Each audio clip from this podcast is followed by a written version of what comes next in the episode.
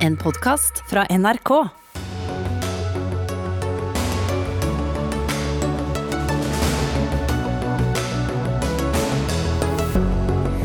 Gjeninnføringen av fraværsgrensen i den videregående skolen varte i 25 dager. Nå fjernes den ut skoleåret pga. korona. Norske barnefilmer domineres av å være oppfølgere, nyinnspillinger eller basert på bøker. I løpet av de ti siste årene er bare ti av om lag 60 barnefilmer originalskrevne. Økologisk Norge vil at staten skal innføre krav om mer økologisk mat på offentlige institusjoner, men sprøytemidler er ikke problemet, sier Høyre. Og flere foreldre nekter barna sine å gjøre lekser på fritiden, men dersom en ny lov vedtas, ja, så kan skolene slå i bordet med lovverket i hånd og pålegge lekser. Slik er menyen her i uh, torsdagens Dagsnytt 18 med Espen Aas, der vi også skal snakke om uh, den nyvalgte partilederen i, de, i det svenske sosialdemokratiske partiet. Men uh, akkurat nå skal det handle om pandemi. 25 dager etter at den ble innført, stanset altså regjeringen nå i ettermiddag bruken av fraværsgrensen i den videregående skolen. Grensen på maks 10% udokumentert fravær for å få standpunktkarakter karakter. Elevorganisasjonen har trukket frem at gjeninnføringen har ført til at mange elever går på skolen selv om de er syke. Og som vi vet, så er smittetrenden i Norge økende. Vi skal snakke mer om fraværsgrensen om litt, men eh, nå i ettermiddag har det også vært et møte mellom helseministeren, Helsedirektoratet og Folkehelseinstituttet, sammen med de mest koronarammede kommunene, bl.a. Eh, også det pga. økt smitte. Helseminister Ingvild Kjerkol fra Arbeiderpartiet skal eh, om kort tid komme med en presseorientering i regjeringskvartalet. Dere som følger sendingen vår på TV, ser et eh, bilde av lokalet der nå. Foreløpig mangler vi eh, en statsråd, så jeg begynner her i studio med deg, Espen Rostrup Nakstad, assisterende helsedirektør. Du satt for så vidt i digitalt møte til du kom inn i, i studio her. Hva slags alvorlighetsgrad har det vært på dette møtet nå? Nei, Vi har hatt et veldig godt møte, og det er jo akkurat ferdig. Det er kanskje derfor det tar litt tid med denne pressekonferansen. Men eh, det har vært et fint møte med de mest berørte fylkene og kommunene. Eh, og eh, hvor man diskuterer hvordan man nå skal innrette seg med råd og tiltak framover for å få kontroll på den situasjonen som er nå. Og den er ganske presset for helsetjenesten, særlig i Nord-Norge. Mm. Og hva skal gjøres? Ja, Nå får vi høre litt eh, nyheter her da, i pressekonferansen, men det er klart at eh, vi er veldig opptatt av at eh, det som allerede gjelder oss er viktig. Og dette med å være hjemme når man er syk, som jo er bakgrunnen for den nyheten du kom med, det er jo faktisk kanskje det viktigste tiltaket vi har nå, i tillegg til vaksinene. Mm. Er men er folk generelt for dårlige til å følge det? Ja, vi ser det. fordi i våre tidligere spørreundersøkelser så ser vi at nesten alle har holdt seg hjemme når de er syke. Det var liksom suksessformelen i året som gikk. Men nå så er det fire av ti, altså 40% omtrent, svarer at de ikke gjør det. Og det er for dårlig. Eh, det medfører for mye smittespredning, så der må vi i hvert fall skjerpe oss nå. I tillegg til at vi må være forberedt på noen lokale råd og tiltak nå som kommer de neste dagene. Mm. Og Slik sett så er det en, en god idé å, å, la elevene i den videregående skolen slippe å måtte tenke på uh, sykefravær, få legeattest uh, osv. når de ikke føler seg bra. Ja, Det gjør det jo mye lettere å faktisk følge det rådet og være hjemme når man er syk. og Det er viktig både for elever, men det er viktig for andre også. Og det er viktig at arbeidsgivere også tenker på det i forhold til ansatte som er syke syke. Eh, det kan selvsagt bli problematisk at de er hjemme noen dager, men det er ofte mye verre at de smitter alle kollegene sine. Det blir ofte mer eh, fravær av det også. Mm. Eh, du nevnte selv situasjonen i Nord-Norge, som vi også har vært innom flere ganger her i, i Dagsnytt 18. Hva, hva, er status når det gjelder råd f.eks. i Tromsø, som har slitt med mye smitte siste tiden? Nei, vi har opplevd nå at Tromsø først, og så Trondheim, har jo vært ute med, med forsterkede råd og tiltak for egen befolkning. Eh, og Det går jo på sånne ting som å bruke munnbind der, munnbind der det er trengsel. Eh, prøve å holde avstand til folk eh, i det offentlige rom, der hvor det er mye ansamling av mennesker. Og følger disse eksisterende rådene også med å være hjemme når man er syk, og teste seg ved symptomer. Og det er klart at Vi ser kanskje at den effekten ikke har kommet helt disse stedene ennå. Vi ser kanskje, hører fra Tromsø at etterlevelsen er ikke veldig god på dette med munnbind ennå. Sånn at her er det nok nødvendig å komme med litt mer koordinerte, tydelige råd. Kommunisere det tydelig, og det er noe av det vi har diskutert i møter i dag. Så uh, er jo Norge tilbake til normalen og har vært det en god stund. Vi husker sist da det var lokale smitteutbrudd, så var det også advarsler om å, å reise til f.eks. Oslo da det var mye smitte her fra andre kommuner. Bør folk tenke seg om to ganger før de takker ja til f.eks. en konferanse i Trondheim eller Tromsø? Egentlig så tror jeg vi kan fortsette å leve ganske normalt, fordi det som betyr noe er jo hvis vi er syke og er sammen med andre mennesker. Det er det viktigste. Mm. Nå ser vi eh, på, på, skjermen vår her, Nakstad, at uh, helseminister Ingvild Kjerkol sammen med Camille Stoltenberg fra FHI, din sjef Bjørn Gullvåg, er på podiet, så vi går til pressekonferansen nå med kommunene for å høre hvordan de opplever håndteringa av pandemien. Og Det har vært eh, spesielt viktig for meg å lytte til de erfaringene i kommunene som nå har utbrudd gående. Regjeringa følger situasjonen nøye sammen med Helsedirektoratet og FHI. Og Det er ikke behov for å innføre nasjonale tiltak nå, men det er på tide å brette opp ermene igjen. Vi tåler mer smitte nå som mange er vaksinert, men vi er ikke 100% beskytta. Høy smitte over tid det fører til flere syke og større press på sykehusene og helsetjenestene i kommunen. Derfor er det veldig viktig at kommuner med utbrudd ikke nøler med å ta grep og innføre lokale tiltak.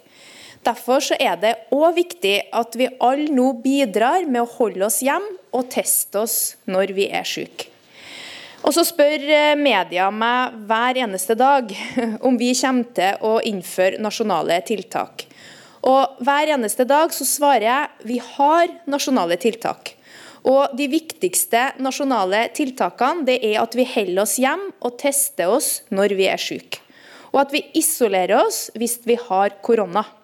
Hvis vi alle gjør det, så hindrer vi både koronaviruset og andre virus i å spre seg.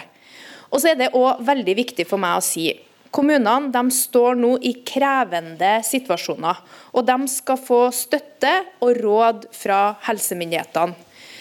Eh, så har jeg også en nyhet som jeg vet at mange har venta på. For å trygge dem som står i første linje og forebygge smittespredning, så har regjeringa i dag beslutta at helsepersonell med pasientkontakt skal få tilbud om en tredje vaksinedose. Og Vi starter med dem som fikk vaksine først.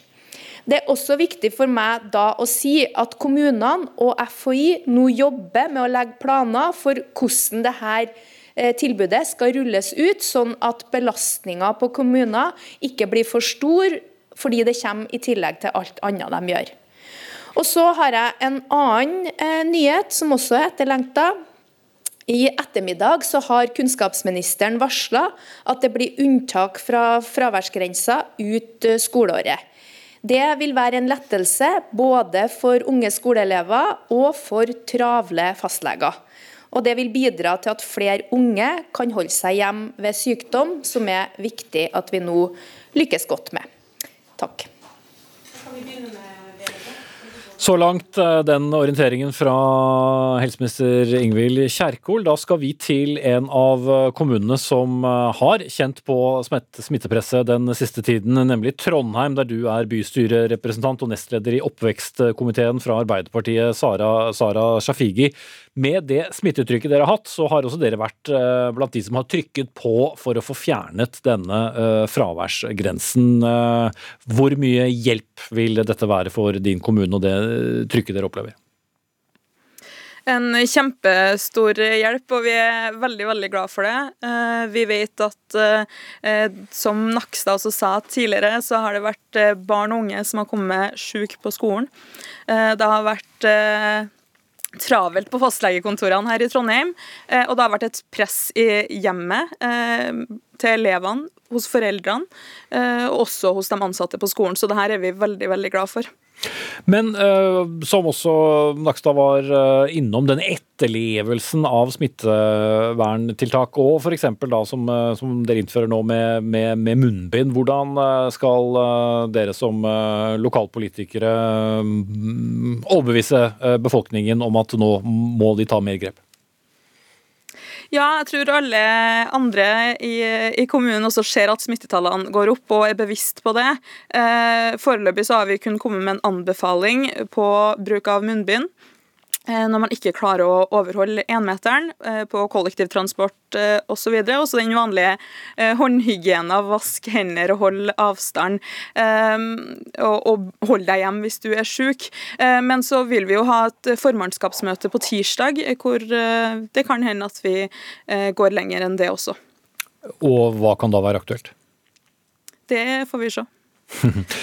Bare nevne for dere som uh, følger sendingen og fulgte pressekonferansen også. Den går videre på, på nrk.no nå. Nå er det uh, forskjellige journalister som stiller spørsmål til uh, eh, Helsedirektoratet og helseministeren. Så hvis dere er mer interessert enn det enn en Dagsnatten, så er det en mulighet. Ellers så blir det jo også mer om, om tematikken her videre. Men Shafigi, kommuneoverlegen i Trondheim, Tove Røstad, sier at smittesituasjonen ikke er så alvorlig som smitte smittetallene skulle tilsi. Deler du det synspunktet? Det er jo veldig høye tall. På den ene sida så kommer det budskapet, og på den andre sida så har vi rekordtall. Så jeg tror det er vanskelig, eh, det er vanskelig for meg sjøl og sikkert veldig mange andre å forstå helt den sammenhengen. Men vi har vaksinert eh, store deler av befolkninga, og vi er eh, tryggere på mange måter enn før. Men det betyr ikke at vi ikke, ikke må fortsette å være uh, forsiktige. Uh, pandemien er ikke over. Uh, så det, det, er mye vi må håndtere i tida framover også. Og så er jeg så glad for at ministrene og regjeringa har lytta til Rita Ottervik, som var ute uka her, Tore Sandvik, som var ute, ordfører og fylkesordfører i Trondheim og Trøndelag. Eh, det må jeg bare si. Det, det kjennes som en seier for alle som er involvert. Mm. Takk skal du ha, Sara Shafigi. Espen Nakstad, dette med den tredje dosen for helsepersonell, eh, hvorfor er det så avgjørende? Ja, Det er viktig, for vi ser jo at helsepersonell som er vaksinert nå faktisk blir smittet. Vi har mange eksempler fra sykehus på at smitten har faktisk spredt seg mellom ansatte som er vaksinerte. Så det er egentlig to viktige nyheter i dag. Dette med at man vil nå vaksinere helsepersonell også med en tredje dose. Man intensiverer selvsagt også vaksineringa av de over 65, som er i full gang. Og så er det dette med fraværsgrensen. Og så har vi en liten nyhet, vi også. og det er at Vi sammen med FHI faktisk nå for ti minutter siden sendte ut et brev til alle landets kommuner der vi presiserer hvilke råd vi mener de bør gi til sine innbyggere hvis de har økende smittetrend. Og Det er jo for så vidt kjente ting, men det går på nettopp dette med munnbind og vurdere det. Det går på dette med avstand, eh, og det går på eh, hjemmekontor, og det går på på å redusere antallet nærkontakter. sånn at Vi ønsker at kommuner nå som har økende smittetrend, faktisk skal gå og finne fram disse verktøyene fra verktøykassa si, og være veldig tydelige på det.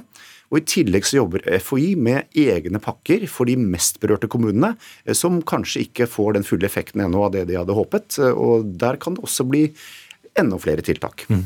Eh, bare kort til slutt. Vi har jo diskutert noen ganger dette med uvaksinert helsepersonell. Hva kan vi si om, eh, om status der? For én eh, ting er nå at de som allerede er vaksinert eh, to ganger, skal få en tredje dose. Men vet vi godt nok om andelen uvaksinerte helsepersonell, i og med det har vært en del tilfeller av dette? Eh, det er jo en ting som eh, både vi og kommunene nå jobber med, og sykehusene. og det er klart eh, Der er det viktig at man kartlegger det, og at utsatte grupper som er særlig sårbare for smitte, ikke løper den ekstra risikoen ved at ansatte ikke er vaksinert. Så Det er et kontinuerlig arbeid som er viktig. Og så må vi også huske på at fullvaksinerte kan bli smittet. sånn at det med å være hjemme når du er syk, og det å teste hyppig og bruke smittevernutstyr etter anbefalingene, er nå veldig viktig fordi vi går inn i en sesong med flere luftveisvirus, ikke bare korona. Mm. Ok, da sier vi takk til deg i denne omgang, Espen Rostrup Nakstad.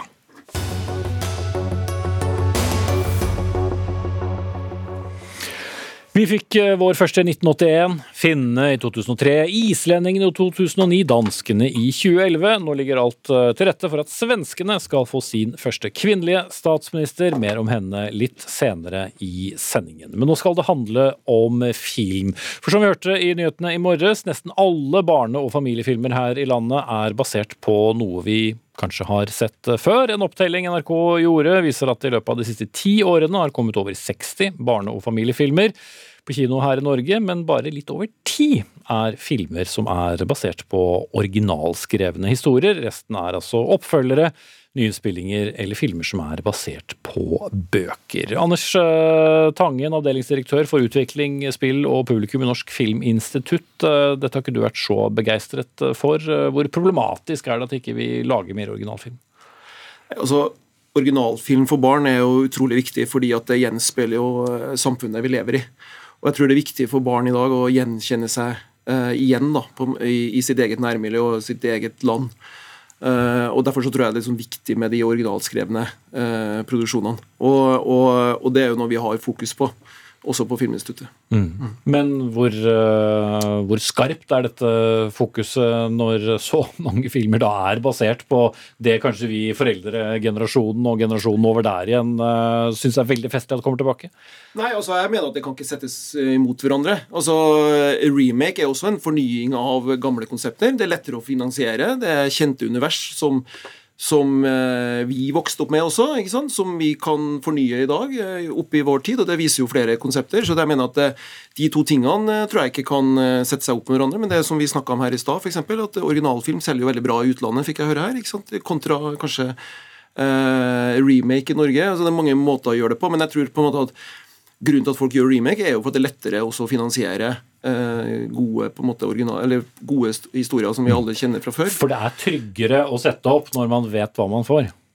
Ja, på en måte, men, men jeg syns jo det er viktig at det, jo, det å måte, finansiere en film i dag er jo på en måte et stort og hardt arbeid. Og, og, og jeg syns ikke det viktigste er jo mengden av gode barne- og ungdomsfilmer. Mm. Rasmus eh, Sivertsen, regissør i produksjonsselskapet Kvisten eh, Animasjon. Eh, dere har jo vært med på Juleflåklypa, Kaptein Sabeltann, Dyr i Hakkebakkskogen, Knutsen Ludvigsen og mye som vi litt over middagshøyden kjenner fra før. Er det fordi det er så trygt? Nei, men altså Det å videreformidle norsk kulturarv til nye generasjoner i nye format, som film det er, er jo også viktig. Vi har et vell av gode fortellinger som fortjener et stort og nytt publikum. Eh, og så må vi jo se på eh, Underholdningsmarkedet oversvømmes jo av eh, fortrinnsvis amerikansk storfilm. Da, og For å demme opp mot dette her, så har vi jo våre egne fortellinger som resonnerer hos norsk publikum. Og det viser seg at Vi vinner jo faktisk kampen mot de amerikanske storfilmene når vi gjør dette på ordentlig måte. Det er flere som ser Hakkebakkskogen på kino enn som ser Vaiana til Disney når de gikk på kino samtidig. Og det det må vi ta med oss, det må vi være stolte av. Mm. Men så tenker jo da ok, men har vi virkelig ikke produsert uh, noe bedre for barn enn det Anne-Kat. Vestli, Torbjørn Egner uh, og andre gjorde da uh, på 60- og 70-tallet? Jo, altså jeg opplever jo at i, i, denne debatten så er det jo Filmprodusentene får jo eh, står til, til hugg her. Men jeg opplever at, at, filmbransjen egentlig er veldig kreative og nyskapende og ønsker å lage eh, originalskrevet materiale for barn, men det er vanskelig, sånn som riggen er nå. Det er vanskelig å få finansiert. sånn som det er nå, så er det mye vanskeligere å få lagd en originalskrevet film for barn enn det er for å lage noe som er basert på noe kjent. Uh, og Det er jo det som er utfordringen. Mm. Og, og, Det handler vel da, som jeg har indikert et par ganger, nå, litt med, med, med risikoen. Uh, er, det, er, det, noe barn og voksne kjenner uh, fra før, så er det lettere å, å, velge å ta med hele familien på kino enn en tittel man ikke har noen relasjon til, utover kanskje en og annen god anmeldelse. Jo, klart det er finansiering det er risikovilje til investorene, men det er jo også et eller annet med med finansieringen og støttesystemet også, som gjør, som gjør, at det premierer filmer som allerede har bevist godt på kinoen, og som gjør at man kommer litt inn i en loop. ikke sant? Hvis en julefilm da, basert på et kjent konsept har gjort det godt, så får da eh, en ny søknad om en julefilm også støtte. Fordi Det er sånn eh, støttesystemet er lagt opp, at det premierer filmer da som, eh, som gjør det godt på kino. og Da havner man i denne, denne loopen. Mm. Men kunne ikke dere gjort noe med det, Tangen? Du, Vi kan alltid bli bedre. Jeg tenker at det her er jo noe vi jobber med bransjen hele tida. Og det, sånn som i det siste nå, så, vi, så har vi lagt opp støttesystemer også med crossover-formater. Og det vi ser nå i mye større grad Hva betyr det? Nei, altså at Vi ser nå at det, det er flere og så flere originalskrevne ting kan gå over i hverandre. så som Vi satser veldig stort på spill på Filminstituttet, vi tar det veldig seriøst. Ligger i front der, kanskje på, uh, i Norden. Og, og, der ser vi jo at vi har jo senest i går gitt uh, penger til, til, barnespill, og vi ser jo at det kan også være crossover, at kanskje man skal begynne med et spill, og så kanskje går det over til en, uh, en film, ikke sant, eller over til en TV-serie. Så på en måte vi har lagt opp et støttesystem da, som på en måte mer gir produsenten da, og manusfatteren og regissøren et mye større handlerom mellom formater. Og I tillegg så har vi også en ny talentordning der man ikke i samme grad trenger så mye privatfinansiering. fordi det er jo liksom overfor seeren her, så må jo vi jobbe med bransjen fordi at vi har jo i flere år også insistert flere eh, støtteordninger for eh, film, men vi, vi kan jo ikke finansiere 100% fra staten. Så det her må vi gjøre med bransjen. og Dermed så har vi liksom prøvd også nå å lage en talentordning der de i, i mye mindre grad trenger eh, å ha eh, annen privat støtte, for også på en måte få frem barnefilmen. Men vi er ikke redde for at vi, vi hemmer uh, nyskapingen og en ny bølge i, i norsk film, da, som, uh, som, handler om å gi noe nytt på, på nye generasjoners premisser alene, og ikke våre? Jo, men derfor så tror jeg på en god blanding. Jeg tror at eh, det å lage ting på remake, som, eh, som Kvisten svarer på her, er jo veldig bra. og gir god økonomi inn i et firma. Eh, F.eks. Askepott-filmen som har premiere i dag. Samme produsent laga en originalskrevet julefilm i fjor for barn. Så den ene tar man mindre risiko på, og den andre man, klarer man da å ta risiko på fordi, at, eh, fordi man har større inntekt på, på, noe som er et kjent varemerke. Mm. Vi skal dvele litt ved det kjente. Charlotte Mjelde, barnepsykolog med oss på, på, linje. Du mener det rett og slett er positivt for eh, barn og oss voksne at eh, vi, vi lager ting delvis om igjen, såkalte remakes. Hvordan da? Jeg tenker jo at remakes kan sammenlignes litt med det å sitte rundt bål i gamle dager og dele den samme historien. En god historie kan jo reise gjennom generasjoner. Og når den fortelles på nytt, så bringes jo nye perspektiver inn som gjør det dagsaktuelt. Eh, og Jeg tenker i hvert fall jeg har gode minner rundt de filmene jeg så som barn. Og det er noe fint å dele det med ungen min i dag, et format som hun liker og forstår. Mm.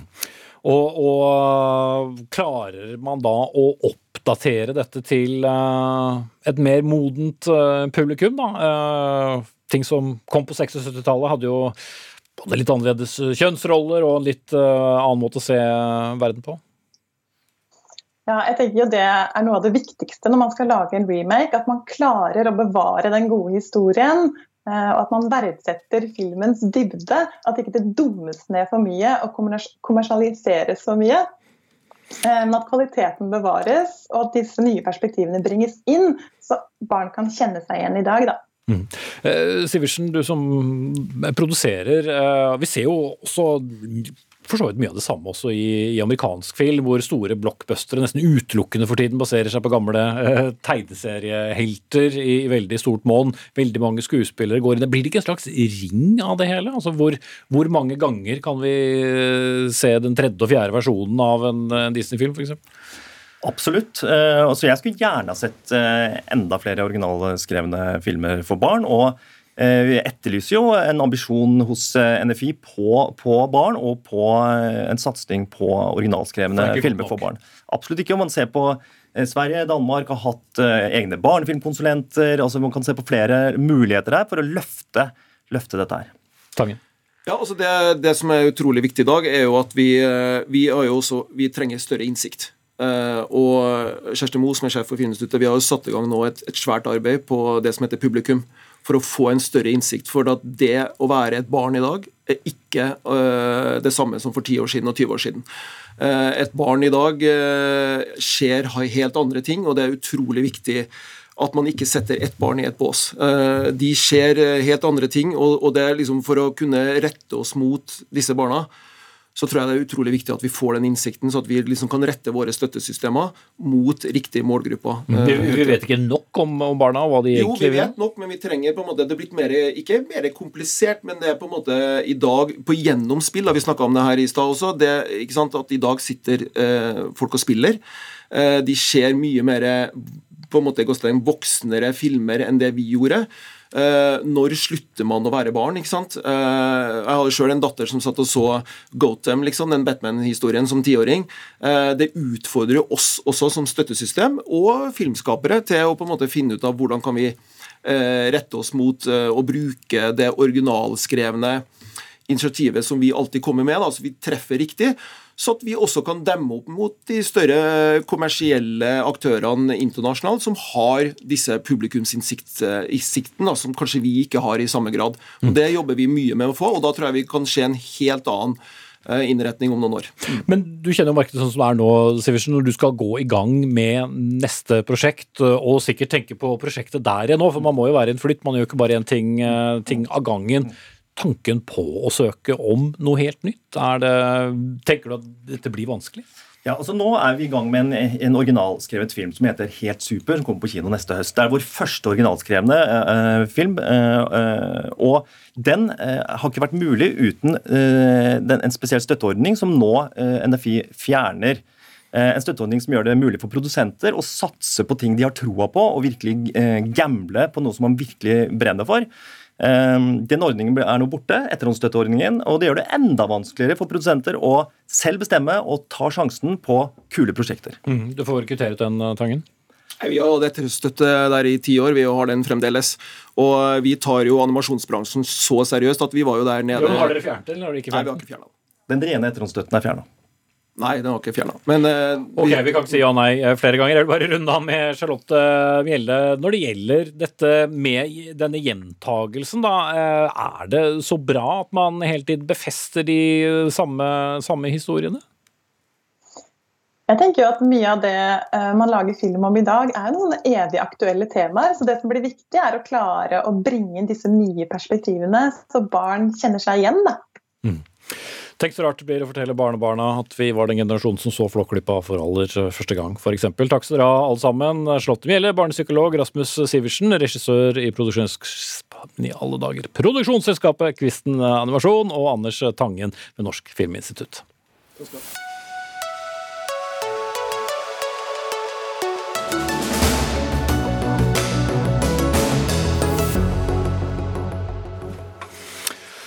Hvordan eh, smakte agurken på gulosten eller i salaten i dag? Visste du at det er den grønnsaken med aller mest sprøytemidler i kongeriket? Og dette er ingen agurknyhet. Sammen med belgbønner og en rekke, andre frukttyper også, så er agurken å finne på listen Skitten 19, som altså rangerer de giftigste frukt- og grønnsakene som selges i Norge. Ingredienser som til stadighet dukker opp på middagsbord, og altså i matpakker. Ingen grunn til bekymring ifølge Mattilsynet, som snart skal få snakke, men vi skal begynne med Markus Hustad, leder i Økologisk Norge. Det er dere som har rangert disse. Hvordan er denne rangeringen kommet til? Nei, altså Vi nordmenn vi er jo i verdenstoppen når det kommer til miljøgifter i kroppene våre. Så det vi i Økologisk Norge har gjort, er at vi har tatt utgangspunkt i Mattilsynet sine egne tester. Vi tester matvarer for rester av eh, sprøytemidler hvert år. Og så har vi lagd eh, en rangering over de som vi har kalt Skitten 19.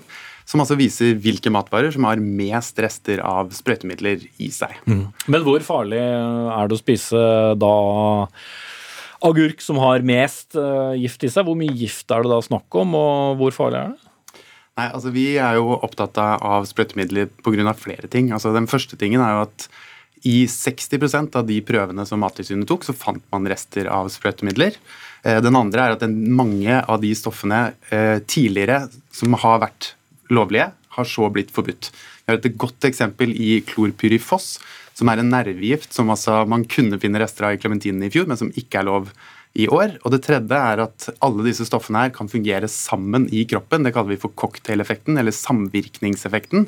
Og det vet vi for lite om, men det blant Eh, Kjetil Hylland, som er toksikologiprofessor på Universitetet i Oslo, sier, er at vi burde være bekymra. Mm.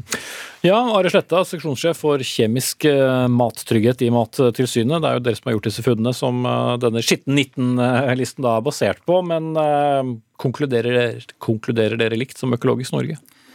Vi er jo veldig glad for at dataene våre blir brukt av andre. Det syns vi er, er kjempefint. Eh, også klart at uh, Plantevernmidler er vi veldig opptatt av. At maten skal trygg er vi opptatt av. Og, og resultatene våre viser jo at 98% av de over 1100 prøvene som er tatt, er, har lave nivåer og, og, under grenseverdiene. Så fra vårt ståsted så er jo maten trygg fordi det er strengt for godkjenning med plantevernmiddel, strengt for bruk, og det er strengt for hvilke rester man faktisk kan tillate i maten. Mm. Men de litt over to prosentene som dere fant overskridelser da av grenseverdiene, er det farlig?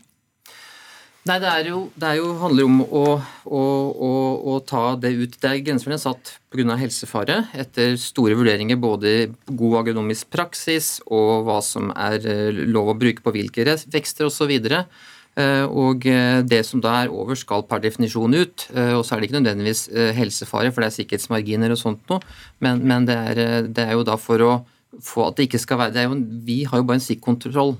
Det er virksomheten som har ansvaret. Eh, og, men, men heldigvis er jo da nivåene vi finner veldig lave i 98% av, av prøvene. Mm. Men spørsmålet gjaldt altså de som ikke eh, hadde lave verdier. Da. Er, altså, er det farlig å spise frukt eller grønnsaker der eh, grenseverdiene er overskredet? Ikke nødvendigvis. Det, det, tas en utsjekk av det i forhold til, til, eh, det spesielle funnet i disse spesielle tilfellene. Og hvis man finner veldig høye nivåer, eller det er et land eller et produkt man finner mye, så tar vi en retta kontroll dit. Og et, hvis det blir virkelig, så måtte folk ikke komme inn på det norske markedet før det er testet og funnet trygt mm. hver gang. Og Basert på stikkprøver, som, eh, som du sier, hvor, eh, hvor, representative er disse stikkprøvene for eh, det vi handler i butikken uke etter uke?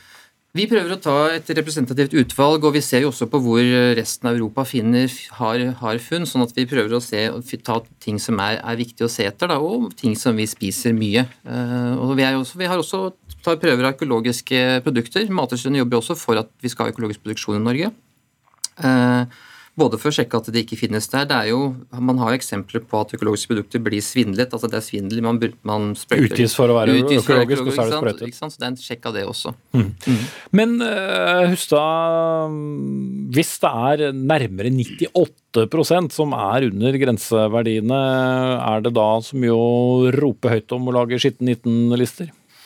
Ja, Vi syns jo det. Det er jo første gangen vi har lagd en sånn her liste. Og vi viser jo ikke bare hvor eh, mange prøver som har rester i seg, men eh, også hvor mange forskjellige typer plantevernmidler man kan ha i hver prøve, og konsentrasjonen av de.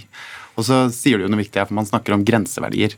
og Det er jo en av de tingene som vi har ønska å snakke om når vi har lagd den lista her. fordi EFSA, som bl.a. setter en del av disse grensene i EU, har fått intern eh, kritikk for at de i for stor grad baserer seg på forskning som er eh, industribasert og ikke fri og uavhengig. I tillegg til det så er det jo sånn som det stoffet som jeg nevnte i stad, klorpyrifos, som hvis vi hadde sittet her i fjor, så hadde det vært lov.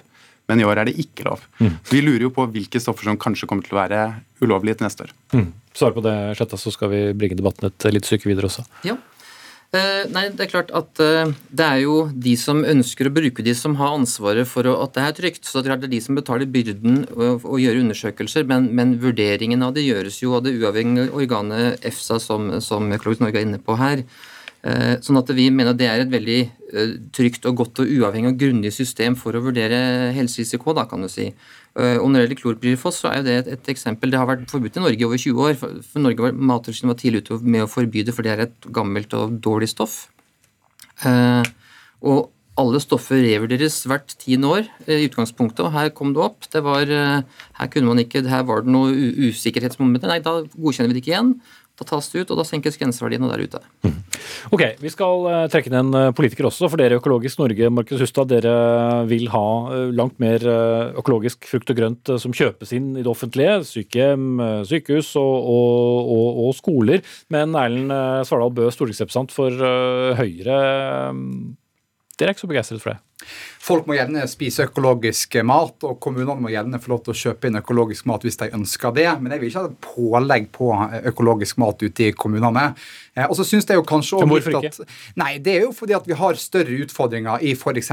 sykehjem. Det kom en rapport fra Helsedirektoratet bare for noen uker siden, som viser at halvparten av de eldre på norske sykehjem er underernært. Eh, og det er jo klart at Når det da kommer et pålegg om at du da skal ha økologisk mat på sykehjem, opp imot helt andre og betydelig større utfordringer som vi har på sykehjemmene, som underernæring, så vil ikke jeg gi et pålegg til kommunene da. Da vil jeg faktisk heller se på hvordan vi kan sørge for eh, at det får mindre underernæring på sykehjemmene. Så det kravet om pålegg det blir helt underordna for meg. Det viktigste vi gjør på offentlige institusjoner, det er å sørge for at eldre får mat. Eh, og Den type rapporter som nå kommer, er ganske alvorlige. og Da er økologisk mat for meg helt underordna når vi har utfordringer med underernæring på sykehjemmene for de eldre. Heller litt gift i maten? Nei, men, men, men, poenget er at vi har altså Det er også viktig å ta med. for jeg synes at den bekymringen som En skaper en unødvendig bekymring når en kommer og så sier en det at eh, Drue er en av Norges giftigste frukter. Altså, vi har altså uh, offentlige myndigheter som Mattilsynet som sørger for at maten vi spiser i Norge, er trygg og god. Så jeg må jo bare si det litt sånn at jeg har jo mer tillit til uh, fagmyndighetene enn jeg har til Økologisk Norge når det kommer til hva som er trygt å spise i Norge. Og det sier jo Mattilsynet her sjøl, at den maten som de lista opp, den er trygg å spise i landet vårt. Just da. Takk. Um, det som Mattilsynet også sier, er jo at klorpyrifos, som altså har blitt ulovlig å ha i matrester som man, altså ha i mat som man importerer til Norge Du kalte det gammelt, og du kalte det dårlig. Likevel så har det vært på klementinene som vi spiste til jul i fjor. Og så tenker jeg at I Danmark og i Sverige så har man eh, mål om 60% offentlig innkjøp av økologisk mat. I sykehus i Sverige så er man faktisk oppe i over 40 og Over 250 sykehus i Danmark har over 50% med økologisk mat. Og det gjør de ikke bare ved å velge økologisk, det gjør de ved å tenke helhet. Så De får det til uten ekstra kostnader. De tenker på råvarer, de tenker på å ikke kaste mat, og så får de til bedre måltider som inkluderer økologisk mat. Og det er jo også bedre for miljøet, det er bedre for insektene, og så er det også bedre for helsa vår. Jo, men nå blir det to debatter her. for Det dere foreslår, er jo pålegg til kommunene. Det sier jeg at jeg ikke ønsker å ha, for det er helt andre større utfordringer kommunene som handler om underernæring. Mm, så, jo, jo, jo, men så er jeg òg enig i at når det kommer til matsikkerhet, så skal man selvfølgelig ta det på alvor. Jeg skal ikke være sånn vi skal ha matvareprodukt i landet vårt som ikke er trygge å spise. Men der vil jo jeg stole på Mattilsynet. De sier at veldig mange de stikkprøvene de gjør, det sjekker de ut. De har ordentlig kvalitetssystem for det. Og så har jo òg kommunene gode veiledere på hva som er sunt, hva som er riktig og hva som er god mat å sørge for i mm. offentlige institusjoner. Var det derfor dere også fjernet dette målet om 15 eh, økologisk eh, produksjon? Ja, men det, det gjorde vi òg fordi at forskere sier det at det er ikke noe større helseeffekt f.eks. med økologisk mat framfor annen mat. Det er ikke noe god dokumentasjon på i, eh, i hvert fall noen av rapportene som jeg har lest. Og da, da er ikke det poenget ja, Du skal slippe til, ja, men la ham fullføre. Ja, men sant, og da fjerna vi det kravet i 2018 med at det skulle være 15% av maten som var i offentlige institusjoner skulle da være økologisk mat. Dette må folk få bestemme sjøl. Det må kommunene få bestemme sjøl. Det er ikke et poeng med et pålegg når vi har gode myndigheter, og når vi har større utfordringer som undernæring. Blir mindre. Eh, Markus Hustad? Nei, altså det første jeg vil si er at jeg er jo helt enig i at vi har store utfordringer i den maten som det offentlige serverer, bl.a. i eldrehjem. Um, og det har jo vært et problem i åtte år allerede, så jeg håper at den nye regjeringa kan gjøre noe med det. Og så tenker jeg at det er ganske mye forskning som også viser andre ting enn det du peker på. Bl.a. en befolkningsstudie fra Frankrike som viser at det er mindre sjanse for en rekke helseting eh, som kreft og diabetes 2 hvis man spiser mer økologisk mat. Det er også underbygd med flere dyrestudier som kommer etter hvert. Og nettopp dette eksempelet med klorpyrifos viser jo at vi ikke har systemer i dag som klarer å fange okay, opp problemet. Nå har vi brukt det eksempelet mange ganger. Ja, men hvis den nye regjeringa skal ta tak i det her, så håper jeg virkelig ikke at det første de gjør, er pålegg om økologisk mat. Da må de faktisk ta tak i at halvparten av eldre har underernæring. Så noe vi, vi gjorde i regjering Men er det bortkastede penger? Det er jo dyrere frukt og grønt, og særlig, særlig i Norge sammenlignet med flere naboland nå, så koster det jo mye mer for eh, økologisk mat. Er det et poeng? Ja, men det er òg et poeng. Og som sagt, jeg nekter ikke folk å spise økologisk mat, nekter ikke kommunene å ta det inn, men jeg vil ikke ha et pålegg for det, for jeg mener vi har større utfordringer i kommunene. Men vi har lagt fram Lev hele livet, som var nettopp en reform for å sørge for at vi skulle få bedre kosthold i sykehjem. Blant annet så flytta vi middagsmåltidene til vanlige eh, middagstider, sånn at eldre faktisk har fått mm. mindre medisinbruk i sykehjem. Okay, det, handler, det, det, handler, om noe, noe helt uh, annet, eh, men du skal få siste ord nå, Hustad. Nei, jeg vil jo si at um, det offentlige bruker over 500 milliarder på offentlige anskaffelser i året, og vi tenker det er helt rett at man kan bruke en del av de pengene på bedre mat til uh, det offentlige. Og så får de det til i Danmark uten at det koster mer, så jeg ser ingen grunn til at vi ikke kan si ja takk begge deler, også her. Jeg vil ha bedre mat for eldre. Det tror jeg mange fikk med seg. Vi takker dere av. Markus Hustad, leder for Økologisk Norge. Erlend Svartalbø, stortingsrepresentant fra Høyre. Og tidligere hørte vi Are Sletta, seksjonssjef for kjemisk mattrygghet i Mattilsynet.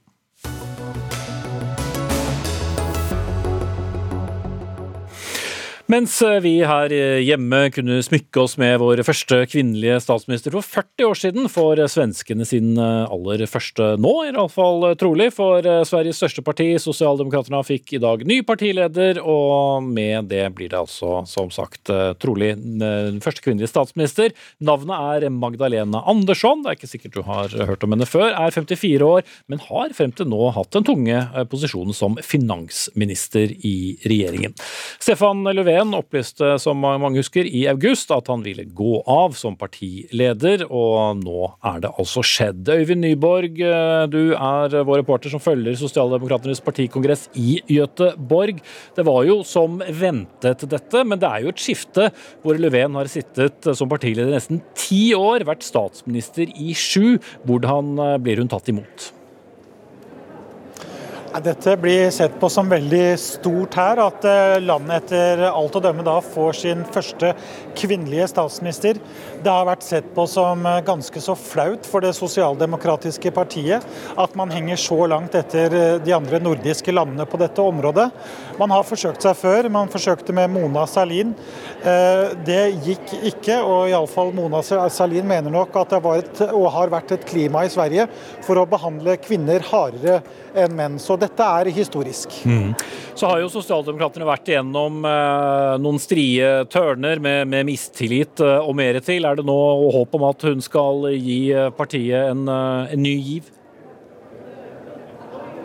Ja, Det er jo selvfølgelig alltids håp om det. Det er god stemning her på landsmøtet. Men det er klart at eh, partiet har en oppslutning på rundt 25% Leder en skjør mindretallsregjering og kanskje med noen paralleller til og med til, til Norge. Og de blir veldig hardt presset i Riksdagen. Og det er jo også en teoretisk mulighet for at Magdalena Andersson ikke blir godkjent av et flertall i Riksdagen. De presser nemlig veldig hardt på, bl.a. for å få liberalisert strandsonepolitikken. Eh, og hvis hun ikke blir godkjent, så kastes jo landet ut i nok en regjeringskrise. Men få tror at det skjer, og at Sverige får en ny statsminister statsminister, som altså da er en kvinne.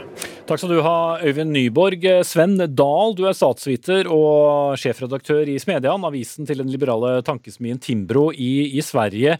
Eh, hva er det praktisk som skal til før eh, hun da eventuelt blir deres nye statsminister? Alltså det som, det som ligger närmast till hands är naturligtvis en, en statsministeromröstning i, i riksdagen som, hon måste, som, som måste hållas när en, en ny statsminister tillträder. Och den är ju intressant i så mått att eh, ja, vi har, vi har ju ett väldigt fragmenterat politiskt landskap i Sverige med ganska stor osäkerhet. Så sent som i juni var det ju ett, ett misstroendevotum mot, mot Stefan Löfven där han, där han tvingades avgå och bilda om sin, sin regering. Um, så, men, men givet det kan vi nog vara ganska säkra på att, att, att Magdalena Andersson kommer att bli, kommer att bli statsminister. Mm. Eh, Sverige er jo kjent for mange mange sterke feminister, men dere er altså helt sist i Norden da med å få en kvinnelig statsminister. Hva er din teori på at eh, det skulle ta så lang tid? Som så mycket annat i politiken tror jag lite att det är tillfälligheter. Alltså Mona Sahlin förlorade, förlorade valet mot Fredrik Reinfeldt 2010. Sedan Anna Kinberg Batra som var Moderaternas partiledare efter Fredrik Reinfeldt ja, tvingades avgå innan hon prövades i ett val och skulle nog faktiskt hålla med eh, Mona Sahlin om att kanske kvinnliga partiledare blir extra hårt granskade. Mm. Så att det är en diskussion vi haft under lång tid i Sverige. Den andra delen av det här är väl möjligtvis att eftersom så här jämställdhet blivit en sån självklar sak i svensk politik så kanske det är så att med tiden spelar spelar kön mindre roll för, för väljarna och att man fokuserar på politiken. Mm. Bli med oss videre, Sven Dahl. Vi har med Jannicke Huitfeldt, ny utenriksminister for Arbeiderpartiet her hjemme. Dere har jo hatt et tett samarbeid med søsterpartiet i Sverige gjennom mange år. Men uh, hvor godt kjenner du til damen som snart blir uh, ny statsminister etter alle solmerker. Så Magdalene Andersson, eller Magda som de kaller henne, hun kom jo opp via studentpolitikken. Mens jeg samarbeida med de som var i SSU, altså organisasjonen som er søsterorganisasjonen til AUF. Slik at jeg kjenner veldig mange i hennes regjering, men ikke henne. Hun er jo en ekspert og har vært eh, statssekretærtype, veldig hardt arbeidende, jobbet med økonomisk politikk, eh, slik at hun har kommet altså, til maktposisjon på en litt annen måte.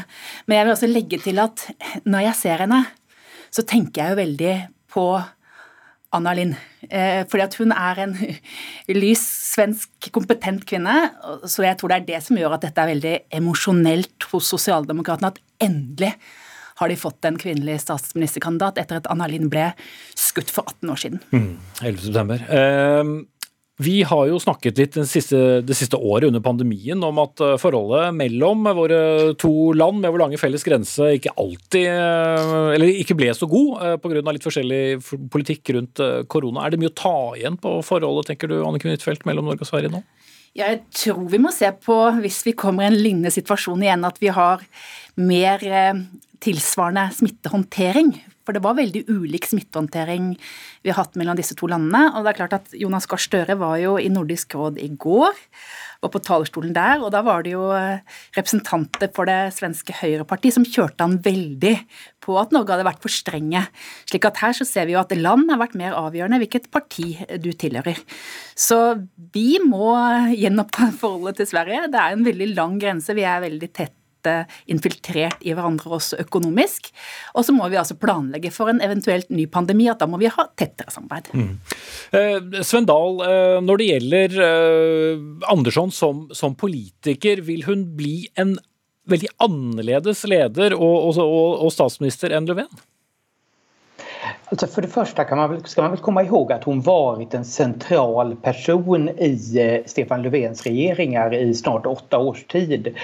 Men samtidigt är det nog den, den vanligaste uppfattningen är nog att vi kommer att få se mer av ideologisk konfrontation kring en, en traditionell höger-vänster-konflikt med Magdalena Andersson som, som partiledare för Socialdemokraterna som statsminister. Stefan Löfven har ju inte varit någon, någon stor debattör, någon skicklig debattör och inte en särskilt konfrontativ politiker. Men det räknar nog många att Magdalena Andersson kommer att vara. Mm. Og så eh, er det jo mange som mener at eh, Sosialdemokratene har eh, mistet mange velgere, bl.a. til Sverigedemokraterna. Er dette, og ikke minst mye av det politikken som, som kan ligge under her, en av hennes store utfordringer som nå venter? Ja, absolutt. Det finnes vel to riktig store utfordringer. Det ene er så her at, at forsøke å vinne tilbake velgere som gått til Sverigedemokraterna. Og det handler jo om å egentlig bygge upp eh, Socialdemokraternas trovärdighet i frågorna kring invandring och eh, kring brottsbekämpning. Och det här är ju frågor där Socialdemokraterna idag har varit, är väldigt svaga, har varit svaga under lång tid.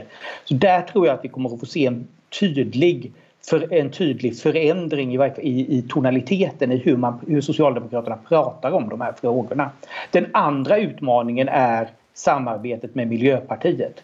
För samarbetet med Miljöpartiet är djupt impopulärt bland väldigt många traditionella traditionella socialdemokratiska väljare och bland väldigt många av dem som lämnat partiet. Mm.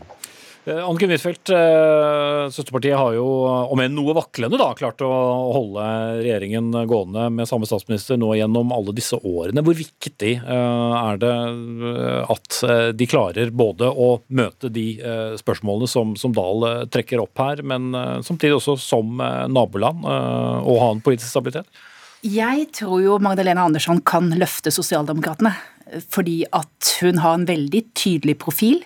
Interesseparti for vanlige mennesker. Vi har også sett at en del av de privatiseringene som vi har sett over lang tid i Sverige, har gjort Sverige dårligere i stand til å håndtere pandemien. Så hun har en veldig sterk politisk profil.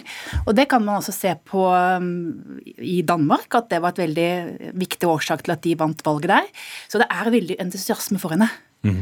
Men, men, litt av noen oppgaver da, som, som Sundal eh, peker på også når det gjelder velgerlekkasje, innvandringsspørsmål, gjengkriminalitet, eh, ting som eh, mange velgere forventer at det blir tatt grep rundt? Ja, men Hun er en veldig sånn skikkelig dame, så jeg tror at hennes argumenter vil vinne gjennomslag. Så hun er veldig kompetent og har veldig høy troverdighet. Så jeg tror at dette kan gjøre at sosialdemokratene også kan vinne et tredje valg i Sverige. Mm. Ja, Er du eh, optimist på partiets vegne der, Søndal, Svendal, når det blir neste valg i Sverige? Alltså jag ser ju för egen del hellre en borgerlig regering. Men jag, men, men jag skulle säga så här att ja, alltså Socialdemokraterna stärker sina kort med Magdalena Andersson som partiledare. Alltså Magdalena Andersson kommer att vara en, en skickligare en svår, partiledare, en svårare motståndare för svensk borgerlighet. Det är jag helt övertygad om. Mm. Og Anniken Huitfeldt, hvis vi går tilbake til det vi var innom i sted når det gjelder vårt fellesskap. Vi har jo selvfølgelig begynt å fylle opp de svenske supermarkedene igjen for lengst. Men, men, når det gjelder det generelle samarbeidet, hva, hva tenker du å gjøre sammen med Jonas Gahr Støre, som fikk noen utfordringer rett i, i fanget? Under Nordisk råd? Altså Enda mer sammen med svenskene. For i en verden hvor det er økt polarisering, hvor vi ser at det er mer stormaktrivalisering, så er vi nødt til å koordinere oss bedre med Sverige, med Danmark, med Tyskland, nå er den tyske presidenten her i dag, for å ivareta norske interesser. Slik at dette kommer til å være en viktig del av nasjonalpolitikk og også norsk utenrikspolitikk. Mm. Jeg vil avslutte faktisk med deg, Sven Dahl. Når det gjelder svensker flest, hva slags forhold har de fått til henne i rollen som finansminister, og hvor lett er den å overføre til den rollen da som en slags, eller ikke som en slags, men som, som statsminister? Og mange har jo forsøkt seg på bl.a. noen sammenligninger da med, med Angela Merkel når det gjelder henne som person. Mm.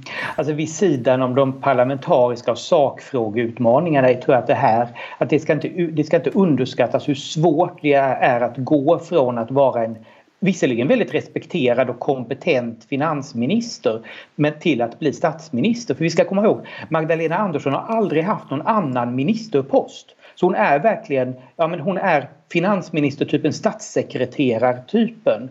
Och att då gå till att bli, bli eh, statsminister, det är inte helt enkelt. Och just för att väljarna känner ju henne också som just finansministern och inte som, som partiledare eller, och statsminister. Så där tror jag att det här kommer att vara, det här kommer att vara, det här kommer att vara svårare än vad vi kanske kanskje forestiller oss. Mm. Det blir spennende å følge svensk eh, politikk. Takk skal du ha, Sven Dahl, sjefredaktør på Smedjan, som altså er liberal, eller um, avisen til en liberal tankesmie i, i Sverige, og vår egen utenriksminister Anniken Huitfeldt fra Arbeiderpartiet.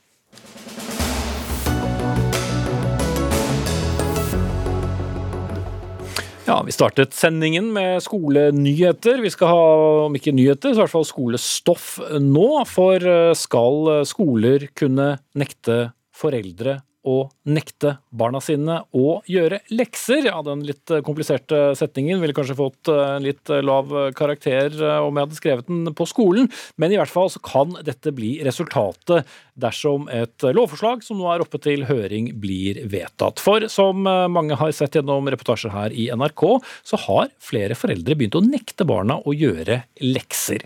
Men Jan Tore Sanner fra utdannings- og forskningskomiteen på Stortinget fra Høyre, det er dere som har lansert da et lovforslag lovforslag som kan forhindre eh, foreldre å gjøre dette. Hvorfor trenger vi det? Ja, Nå har vi eh, en fornyelse av hele opplæringsloven. Eh, men et lite element der er en tydeliggjøring av at skolen kan gi lekser.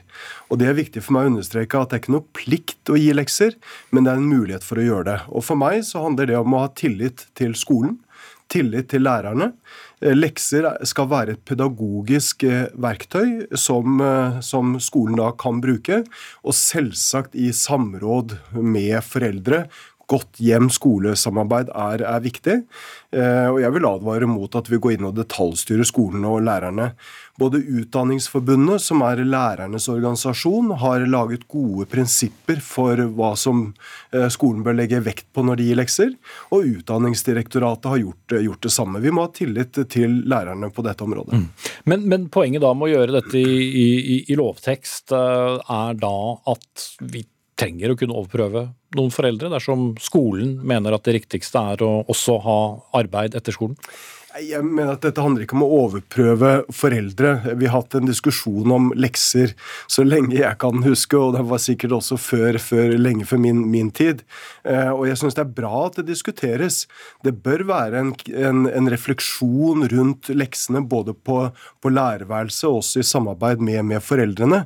Men vi, vi, må se på lekser som et pedagogisk verktøy, og det er forskjell på gode og dårlige lekser. Mm. Hvis elevene blir sittende hjemme alene og streve med leksene og få lekser i, i, som de ikke har eh, jobbet med på, eller på temaer som de ikke har jobbet med på skolen fra før, ja, så skaper det bare frustrasjon. Også leksene skal bygge opp under læringsglede og mestring hos elevene, og det må være tilpasset uh, den enkelte elev. Mm.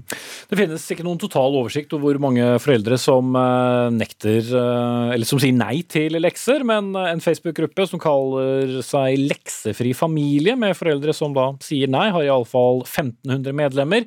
Vi forsøkte å få med noen av dem her i dag, uten å lykkes. Eh, men vi har med deg Freddy André Øvstegård eh, fra København. Eh, du er i utdannings- og forskningskomiteen du også, men fra SV. Du liker ikke dette lovforslaget, hvorfor ikke? Nei, for I dag er det ulike oppfatninger om skolen har rett til å pålegge elever lekser. Men det er en lang tradisjon for det og, sedvane for det. Så denne endringen av loven vil jo kunne innebære det at skoler kan tvinge på lekser i større grad til familier som ikke ønsker det. Eh, og Det mener jo vi er eh, helt feil retning å, å gå. Vi vet jo fra forskningen bl.a.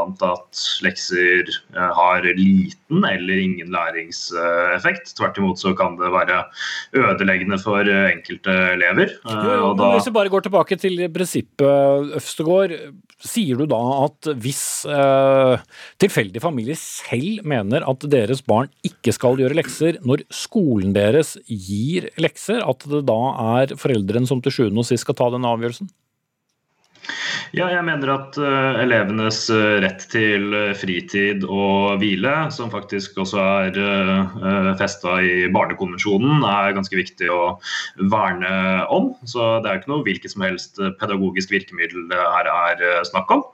Men så har vi jo nå en rekke skoler rundt omkring i landet som har hatt forsøk med å drive med altså leksefrie skoler, eller leksebevisste skoler. Altså at man gir lekser på en helt annen måte enn det som er tradisjonen i Norge i dag. Med veldig gode eh, resultater. Det har vært et prosjekt i Trondheim blant annet, som viste det at eh, stresset i skolen gikk ned, og elevene ble eh, mer motiverte. Mm. Så det her er å gå feil retning. Ok, Men uh, dette, med å, dette med inngripen i privatfamilier, det høres så ut som noe Høyre er veldig opptatt av, Sanner? Men ikke her? Ja da. Uh, nei, for, for, meg så handler dette om, om skole. Eh, og at vi må ha tillit til at læreren som pedagog også ser hva som er fornuftig og, og riktig. Det handler ikke om å tvinge familier eller å frata barns rett til, til, til hvile og, og, fritid. Selvsagt skal de ha det, og det må være volumet på lekser må være tilpasset eh, elevene og den situasjonen de, de, er i. Men det er et pedagogisk eh, verktøy, eh, og jeg syns det er veldig rart at SV, som snakker om en tillitsreform i skolen, på det dette området ønsker å overprøve eh, skolen og, og, og lærerne.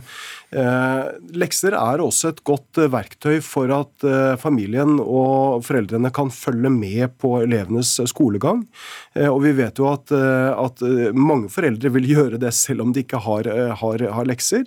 Slik at den forskjellen som, som man ofte peker på mellom foreldre som følger opp barna, og de som ikke gjør det, den vil være der selv om man fjerner, fjerner leksene. Okay. Så vi trenger, en, vi trenger en, en, diskusjon om hva som er gode lekser, og ikke gripe inn i den pedagogiske friheten som lærerne må ha på dette området. Mm. Ja, Østegård, Det kan jo bli litt flytende grenser her, da, hvis eh, ikke skolen skal ha siste ord, det skal foreldrene ha. Og så kan noen skoler velge å ikke ha lekser, mens andre har det.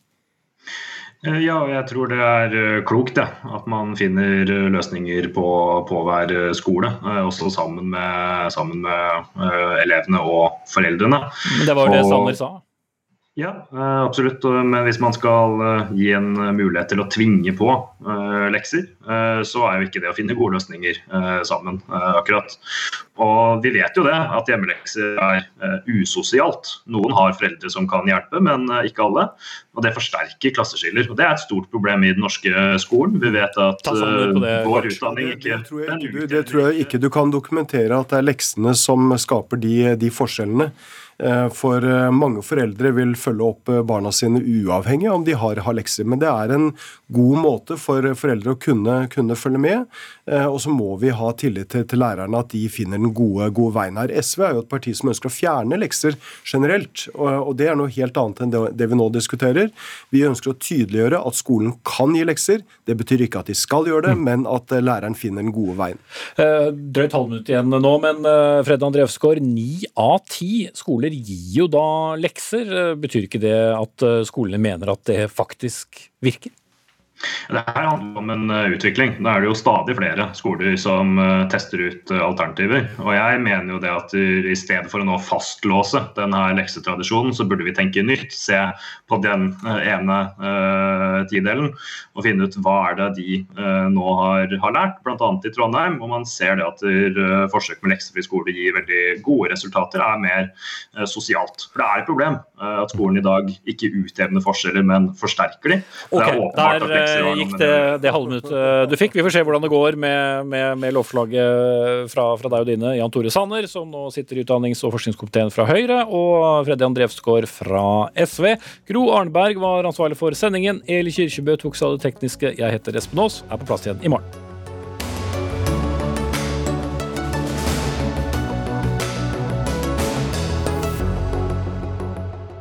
Du har hørt en podkast fra NRK. Hør flere podkaster og din NRK-kanal i appen NRK Radio.